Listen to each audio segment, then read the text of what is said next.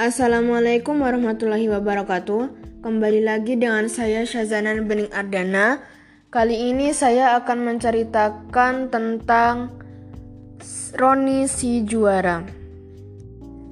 Wajahnya sayu seperti sayur kangkung yang didiamkan berhari-hari. Kelopak mata yang mulanya segar telah menjelma menjadi daun layu. Telah ia habiskan waktunya berhari-hari menatap layar monitor Kertas dan buku mulai berserakan pada setiap sudut kamar. Selimut, bantal, spray kasur pun telah terkoyak berserak di sembarang tempat. Ah, nampaknya si empu lupa membereskan barang-barangnya. Di Jakarta sekitar tahun 2009, ia terkenal prestasi dan kejua kejuaraannya menulis novel. Ya, Roni, Roni adalah seorang atlet silat yang jago bela diri. Bukan hanya itu, ia juga menjuarai beberapa bidang kebahasaan yang berhasil melambungkan namanya menjadi seorang penulis novel muda di Indonesia.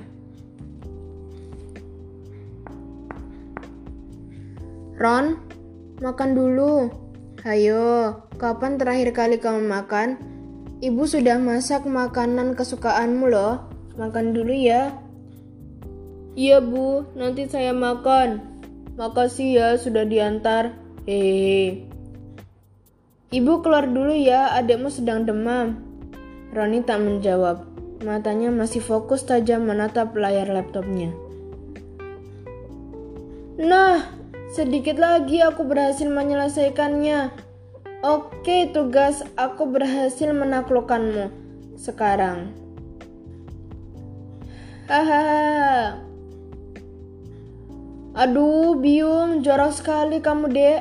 Kamar berserak penuh dengan kotoran, bau pengap, dan jendela pun tidak dibuka. Hei Ron, COVID-19 suka dengan ruangan yang kotor.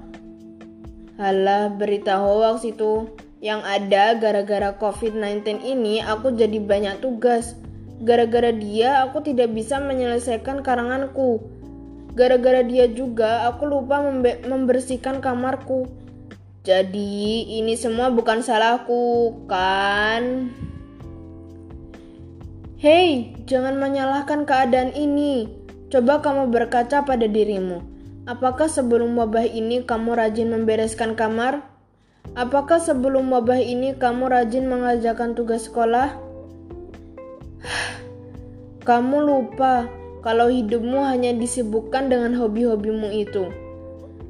Ah, sudahlah kak, jangan ribut di kamarku.